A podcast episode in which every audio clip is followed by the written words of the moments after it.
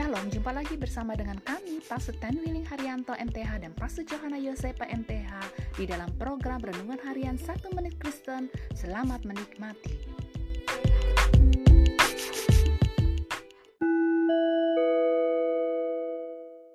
Shalom saudara yang berharga di mata Tuhan, senang dapat jumpa dengan saudara. Hari ini Allah mau menasihati kita untuk mempercayakan usaha kita ke tangan Allah yang mampu memberkati. Ibu Musa tahu adalah salah untuk membunuh anaknya, tetapi mereka hanyalah orang kecil untuk dapat merubah keputusan yang baru dari Firaun, yaitu dengan membuang bayi laki-laki mereka ke dalam sungai Nil.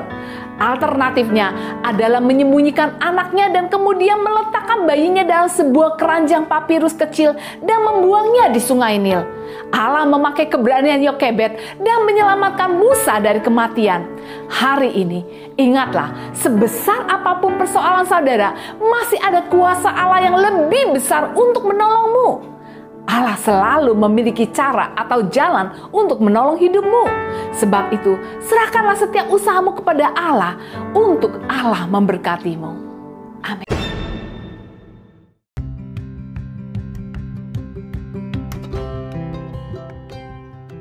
Terima kasih saudara telah mengikuti podcast Renungan Harian 1 Menit Kristen. Sampai jumpa pada episode berikutnya. Tuhan Yesus memberkati.